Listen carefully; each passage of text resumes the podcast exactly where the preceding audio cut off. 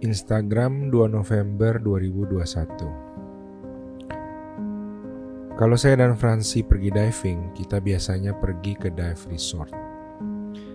Setiap pagi semua tamu yang mau dive hari itu masuk di satu kapal, diving seharian dan kembali sore harinya. Biasanya 8-10 orang dari berbagai negara. Ada yang solo, pasangan, geng teman. Dan biasanya karena nggak saling kenal, suasana kapal dingin. Seringkali sepanjang perjalanan semua orang sibuk masing-masing, tidak menyapa. Percayalah walau ke tempat yang bagus banget, namun berhari-hari sekapal dengan orang-orang asing yang gak saling kenal, rasanya gak enak banget.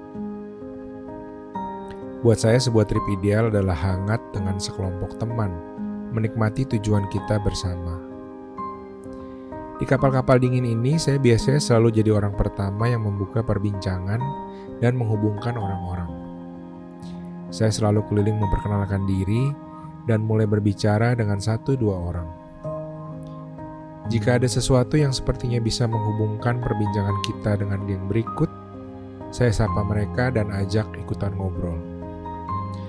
Sering juga saya bawa snack buat dibagi-bagikan. Dan setiap buat kopi atau teh, saya buat ekstra 1-2 gelas buat teman-teman baru saya. Dengan melakukan hal-hal kecil tadi, ketika pulang sore harinya, sekelompok orang asing tadi kini turun dari kapal sudah saling berbincang, saling membantu bawa tas dan peralatan, bertukar cerita dan tawa. Can't wait for tomorrow's trip. Saya selalu percaya saya punya kendali atas keadaan yang disodorkan ke saya. Bukan sebuah rasa congkak, tapi keyakinan bahwa paling enggak saya bisa mencoba.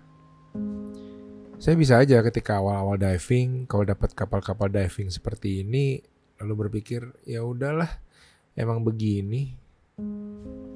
Tapi saya menolak bermental korban. Dapat ya begini, ya udahlah, nasib.